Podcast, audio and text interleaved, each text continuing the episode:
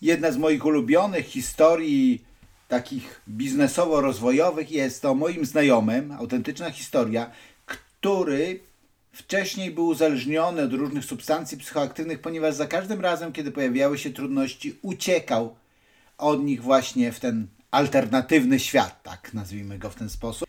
I oczywiście to była zła ucieczka, ponieważ problemy się nawarstwiały, było coraz trudniej e, i uzależnienie w nim narastało i relacje e, tutaj się psuły z bliskimi osobami i e, pieniądze w szybkim tempie się rozchodziły. I moment, kiedy zaczął wychodzić z tego cały proces i kiedy przyszedł taki tydzień, kiedy zwaliło mu się mnóstwo problemów na głowę i w zasadzie firma była do zamknięcia, ponieważ komornik za stare długi zabrał rzeczy, ponieważ pracownicy odeszli. I moment, kiedy on podjął decyzję, wezmę odpowiedzialność za to, co się stało.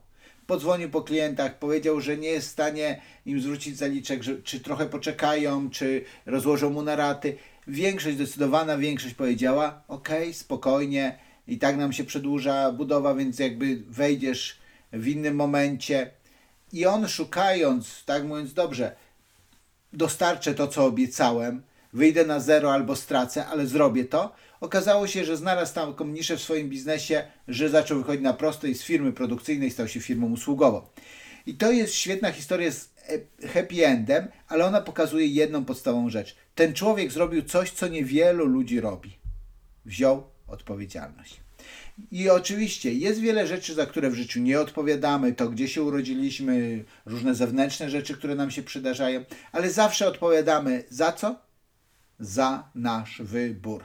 To jest właściwa rzecz. I tak, większość ludzi, szczególnie jeżeli jesteś osobą, która nieprzypadkowo słucha tego podcastu, to mówisz sobie, tak, ja jestem taką osobą.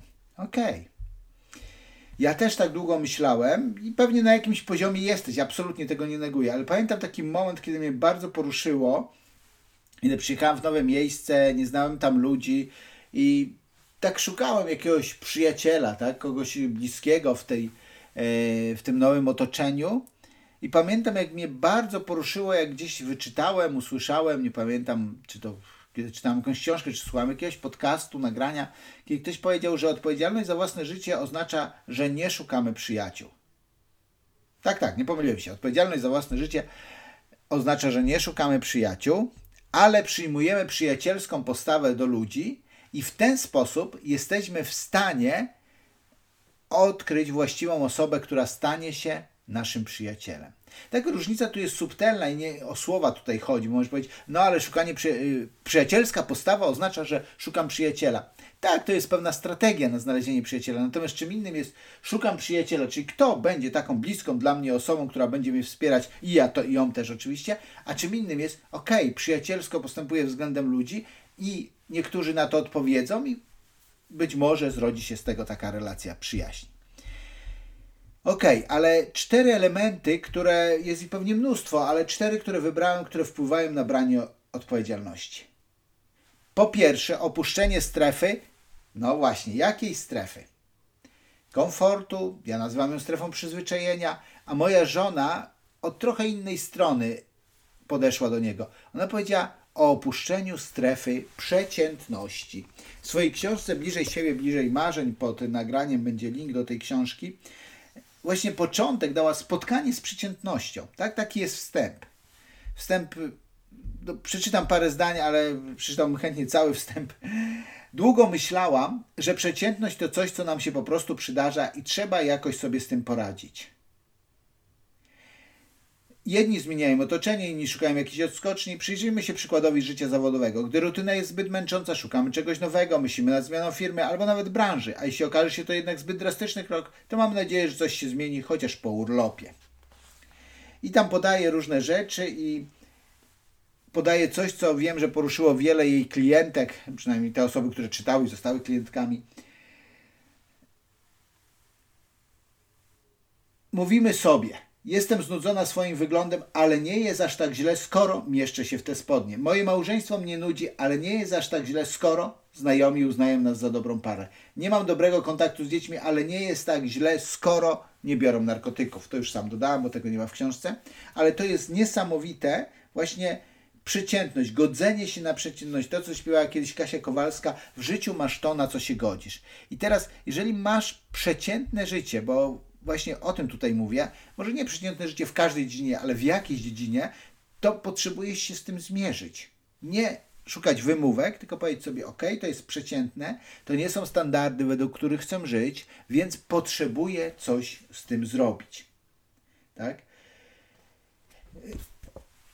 Jaką radę, receptę daje moja żona? Oczywiście odsyłam do książki, natomiast już podtytuł książki, który jest pod tytułem książki, a jednocześnie jej mottem życiowym, które przez lata rozwija, które brzmi jak rozwijać to, co masz, by osiągnąć to, czego pragniesz. Tak? Rozwój, nieustanny rozwój, czyli branie odpowiedzialności za swój rozwój jest tym, co sprawia, że pozbywamy się przeciętności. Czasami to jest trudne, bo pozbywanie się przeciętności wchodzimy w trudniejsze rzeczy, ale teraz o co chodzi z tym pozbywaniem się przeciętności? Tak? E, chodzi o to,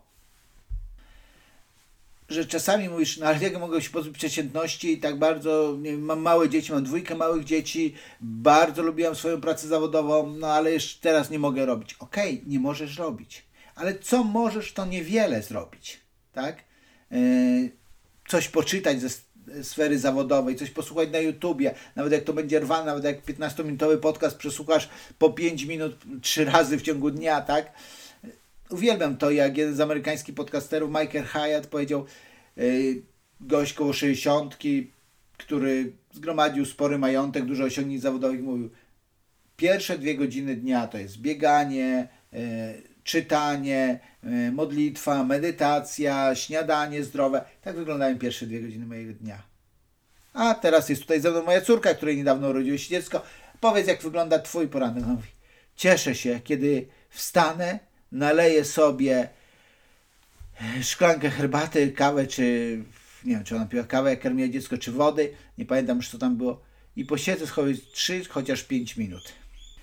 To, co jest najistotniejsze, to jest, co robisz z tą przeciętnością, czy się na nią godzisz, czy jakoś zaczynasz z nią walczyć, e, zmieniać ją. Drugie, odpowiedzialność polega na tym, że traktujesz problemy jako, jako szansę do rozwoju. E, co mam na myśli? Problemy były, są i będą. E, nie wiem, czy zauważyłeś, zauważyłaś, że to niestety tak się czasami zdarza, że przychodzi nadmiar tych problemów w jednym czasie. Niektóre da się racjonalnie wytłumaczyć, typu psuje mi się telewizor, suszarka, pralka, e, nie wiem, komputer. Pewnie dlatego, że kupowaliśmy to w tym samym czasie, podobny czas, okres, na którym było to na gwarancji, powiedzmy dwa lata i po tych dwóch latach tak, odkupienia sprzęty psują się. Czasami to jest mniej racjonalne, ale czasami są takie, że po prostu i wiadomo, każdy musi odreagować jakoś, poukładać sobie w głowie te 2-3 dni, każdy może chodzić do tyłu.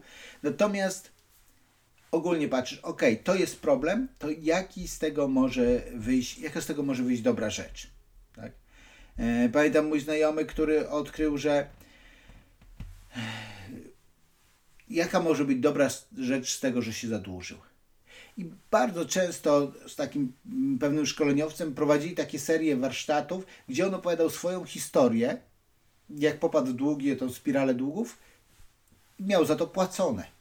Więc to, było, to była jakaś rzecz. Druga rzecz, którą mówi, że w pewnym momencie jakoś tam się dogadał z tymi dłużnikami, na lata miał to rozłożone, jednak zmusiło go to do tego, żeby zarabiać więcej. Mówi, pewnie sam z siebie nigdy nie miałby takiej motywacji ani ambicji, bo jakby to nie, nie był on taki mega ambitny człowiek, ale sytuacja, można powiedzieć, sytuacja go zmusiła. Nie, sytuacja taka była i wielu ludzi się poddaje, a on w tej sytuacji powiedział: biorę na klatę, biorę odpowiedzialność i zaczął się rozwijać.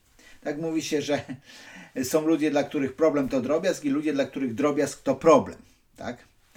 E, I to nie jest tylko gra słów, ale to jest podejście do tego, kiedy jest problem. I najczęściej to jest tak, że problem wydaje nam się takim wielkim słoniem, tak? A jak zjeść słonia? No po kawałku, czyli masz wielki problem, zajmij się jakąś małą częścią. Ja wiem, mała część, co ona da, e, to niewiele da, zostaniemy już przy tych finansach, czyli mam wielkie długi, co z tego, że zarobię parę złotych? No to z tego, że przynajmniej wychodzisz z tej wyuczonej bezradności, że ty nic nie możesz, nic nie umiesz, nic nie potrafisz i że bierzesz odpowiedzialność za swoje życie, a tak krok po kroku, ta poczucie sprawczości daje ci flow, daje ci większą wiarę w siebie i sprawia, że pamiętam taki flow w moim życiu, tak, kiedy firma zaczęła się rozwijać, zaczęła się rozwijać, tak, to cały czas to przypisywanie, że czemuś mistycznemu, że zaczęła się rozwijać. Nie, kilka lat pracy w internecie, dwa i pół roku intensywnej pracy w internecie i zaczęli przychodzić klienci, bo wcześniej przychodzili tylko z konferencji, spotkań, szkoleń, gdzie byłem, a tutaj skala się zaczęła poszerzać.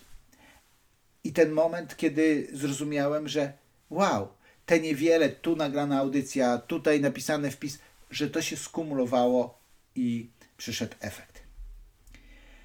Trzecie branie odpowiedzialności to jest zadawanie właściwych pytań. I na pewno się spodziewa, że powiem tutaj coś w stylu: Oj, ale dlaczego tak się stało? E, że to jest złe pytanie. Uważam. To dużo zależy od tego akcentu, tak? Dlaczego to się stało na zasadzie ja znów biedny, nieszczęśliwy i znów mi się to przydarzyło? No nie. E, dlaczego to się stało jest dobre, żeby przeanalizować sytuację. Ale czasami ta analiza niczemu nie służy, albo jeszcze bardziej nas pogłębia, więc może właściwsze jest pytanie, jak zmienić sytuację, w której się znalazłem. I te właściwe pytania trzeba umieć sobie postawić. Czasami jest tak, że kiedy postawimy sobie właściwe pytania, to dojdziemy do momentu bezradności. Tak, nie mylę się. Kiedy postawisz sobie właściwe pytanie, dojdziesz do momentu bezradności, czyli dlaczego mnie to spotkało? I nie masz na to odpowiedzi. Jak z tego wyjść? I nie masz z tego odpowiedzi. Jeżeli ty nie masz odpowiedzi, to znaczy, że ta odpowiedź jest ukryta w drugim człowieku i potrzebujesz znaleźć odpowiednich ludzi, przeczytać, posłuchać jakichś podcastów, skontaktować się z kimś, popytać kilku ludzi, może zgłosić się na jakieś płatne konsultacje, żeby znaleźć odpowiedzi na pytania, ponieważ no to jest tak jak yy, akurat to świeże, więc mogę powiedzieć tak. Czasami jest tak, tak jedna z moich klientek niedawno mówi, czemu ja tak mało zarabiam? Zaczęliśmy analizować i niecały tydzień po, po tym yy, po naszym spotkaniu napisała, że dostała 50% podwyżki w pracy. Widzisz, dlaczego? Dlatego, że musiała zmienić swoje spojrzenie, zobaczyć swoją wartość i umieć przedstawić argumenty, żeby wynegocjować lepszą stawkę. Więc sesja zwróciła się wielokrotnie, ale właśnie dobrze postawione pytanie ja bym dopowiedział, dobrze postawione pytanie właściwej osobie może dopomóc Ci w znalezieniu rozwiązania, które podniesie jakość Twojego życia na najwyższy poziom. I czwarta rzecz, poszerzaj sferę wpływu. Tak? To jest ujęcie kowejowskie, bardzo mi ono odpowiada. Strefa zainteresowań może mnie interesować wiele rzeczy, na przykład Mistrzostwa Świata w piłce nożnej albo globalne ocieplenie, ale sfera wpływu, na co mam wpływ? Nie mam wpływu na to, jak zagrają w Lidze Mistrzów, ale może mam wpływ na to, że nie wiem, zasponsoruję lokalny klub piłki nożnej dla dzieci, żeby ci, którzy mają talent, a przynajmniej chcą spędzać czas w wartościowy sposób, mieli taką możliwość. Może z drugiej strony mm, globalne y, ocieplenie, czy tam klimat, jakiekolwiek masz tutaj poglądy, ale możesz coś zrobić na przykład nie rzucać papierków na ziemię. Niezależnie od globalnego ocieplenia i ekologicznych poglądów, zanieczyszczanie z brakiem kultury jest niszczeniem naszego środowiska. Więc zawsze musisz zobaczyć, co Cię interesuje. Interesować Cię będzie więcej rzeczy niż te, na które masz wpływ. Ale warto poszerzać swoją strefę wpływu, zobaczyć, na co mam wpływ i poszerzać ją w tych dziedzinach, które jest dla nas ważna.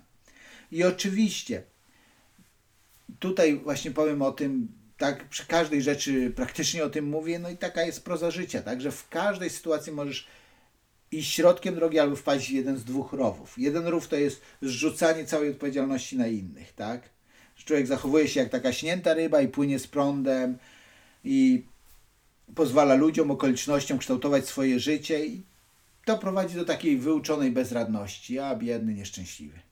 Albo z drugiej strony, drugi rów to jest branie całej odpowiedzialności na siebie.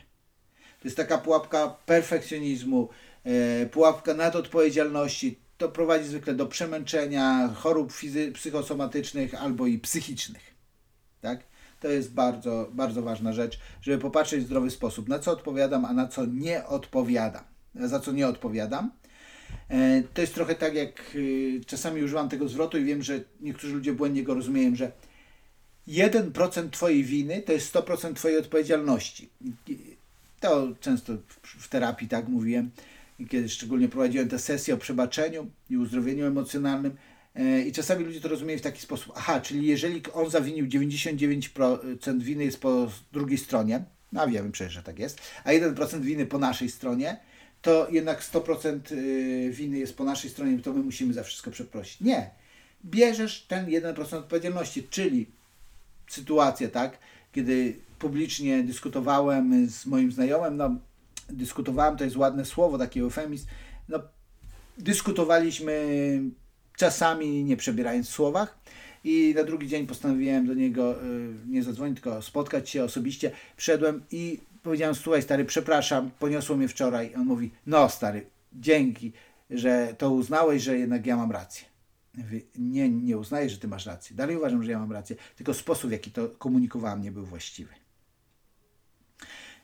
Więc to jest ta różnica, to jest ten 1%, tak, mojej odpowiedzialności w tej sytuacji. Nie przyznanie mu racji, bo nie przyznawałam, tylko powiedzenie, biorę odpowiedzialność za to, że przesadziłem w niektórych słowach. I kończę tą całą historię o odpowiedzialności, ale zanim ją skończę, to pod spodem jest bezpłatny test satysfakcji życiowej, jest też link do książki Bożeny i też y, jest kurs jak zarządzać sobą. Możesz ten kurs online odbyć, a możesz też razem z sesją y, ze mną, więc zapraszam. Jest to taka historia, którą gdzieś wyczytałem o mędrcu, który był bardzo mądrym człowiekiem, dużo wiedział, ale byli dwaj tacy nastolatkowie, jak to nastolatkowie, którzy postanowili go publicznie upokorzyć. No i cała wioska była zebrana i ten mędrzec opowiadał im różne historie, ludzie stawiali im pytania, on odpowiadał i teraz oni przyszli i jeden z nich z tyłu trzymał e, w ręku ptaka i trzymał go w ten sposób, że e, dusił go za gardło. I postawili mu pytanie – Powiedz nam ty, który wszystko wiesz, jesteś taki mądry, czy ten ptak jest żywy, czy martwy? No i pułapka była prosta. Gdyby powiedział żywy, to on w tym momencie dusi ptaka, pokazuje, że martwy. Kiedy mówi, że martwy, on pokazuje, że ptak jest żywy. A on oczywiście z tyłu tego ptaka nie widział. Na co mędrzec odpowiada: Cokolwiek nie powiem, jego los leży w waszych rękach. Cokolwiek się w życiu wydarzy, ostatecznie Twój los leży w Twoich rękach. Powodzenia.